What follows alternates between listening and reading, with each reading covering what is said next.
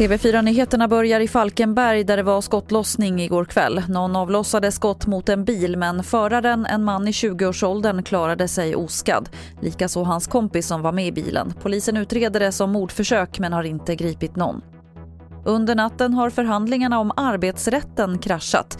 De har bland annat handlat om LAS, lagen om anställningsskydd och undantag från principen sist in först ut har varit en stor stridsfråga.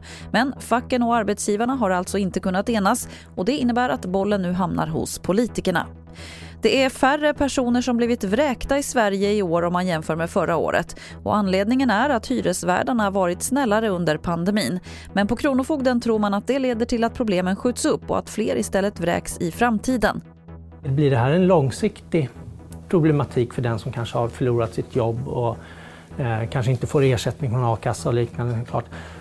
Det, det här ska ju förr eller senare på något sätt betalas. Så risken är att vi framgent kan se att att det här leder till en ökning av antalet räkningar.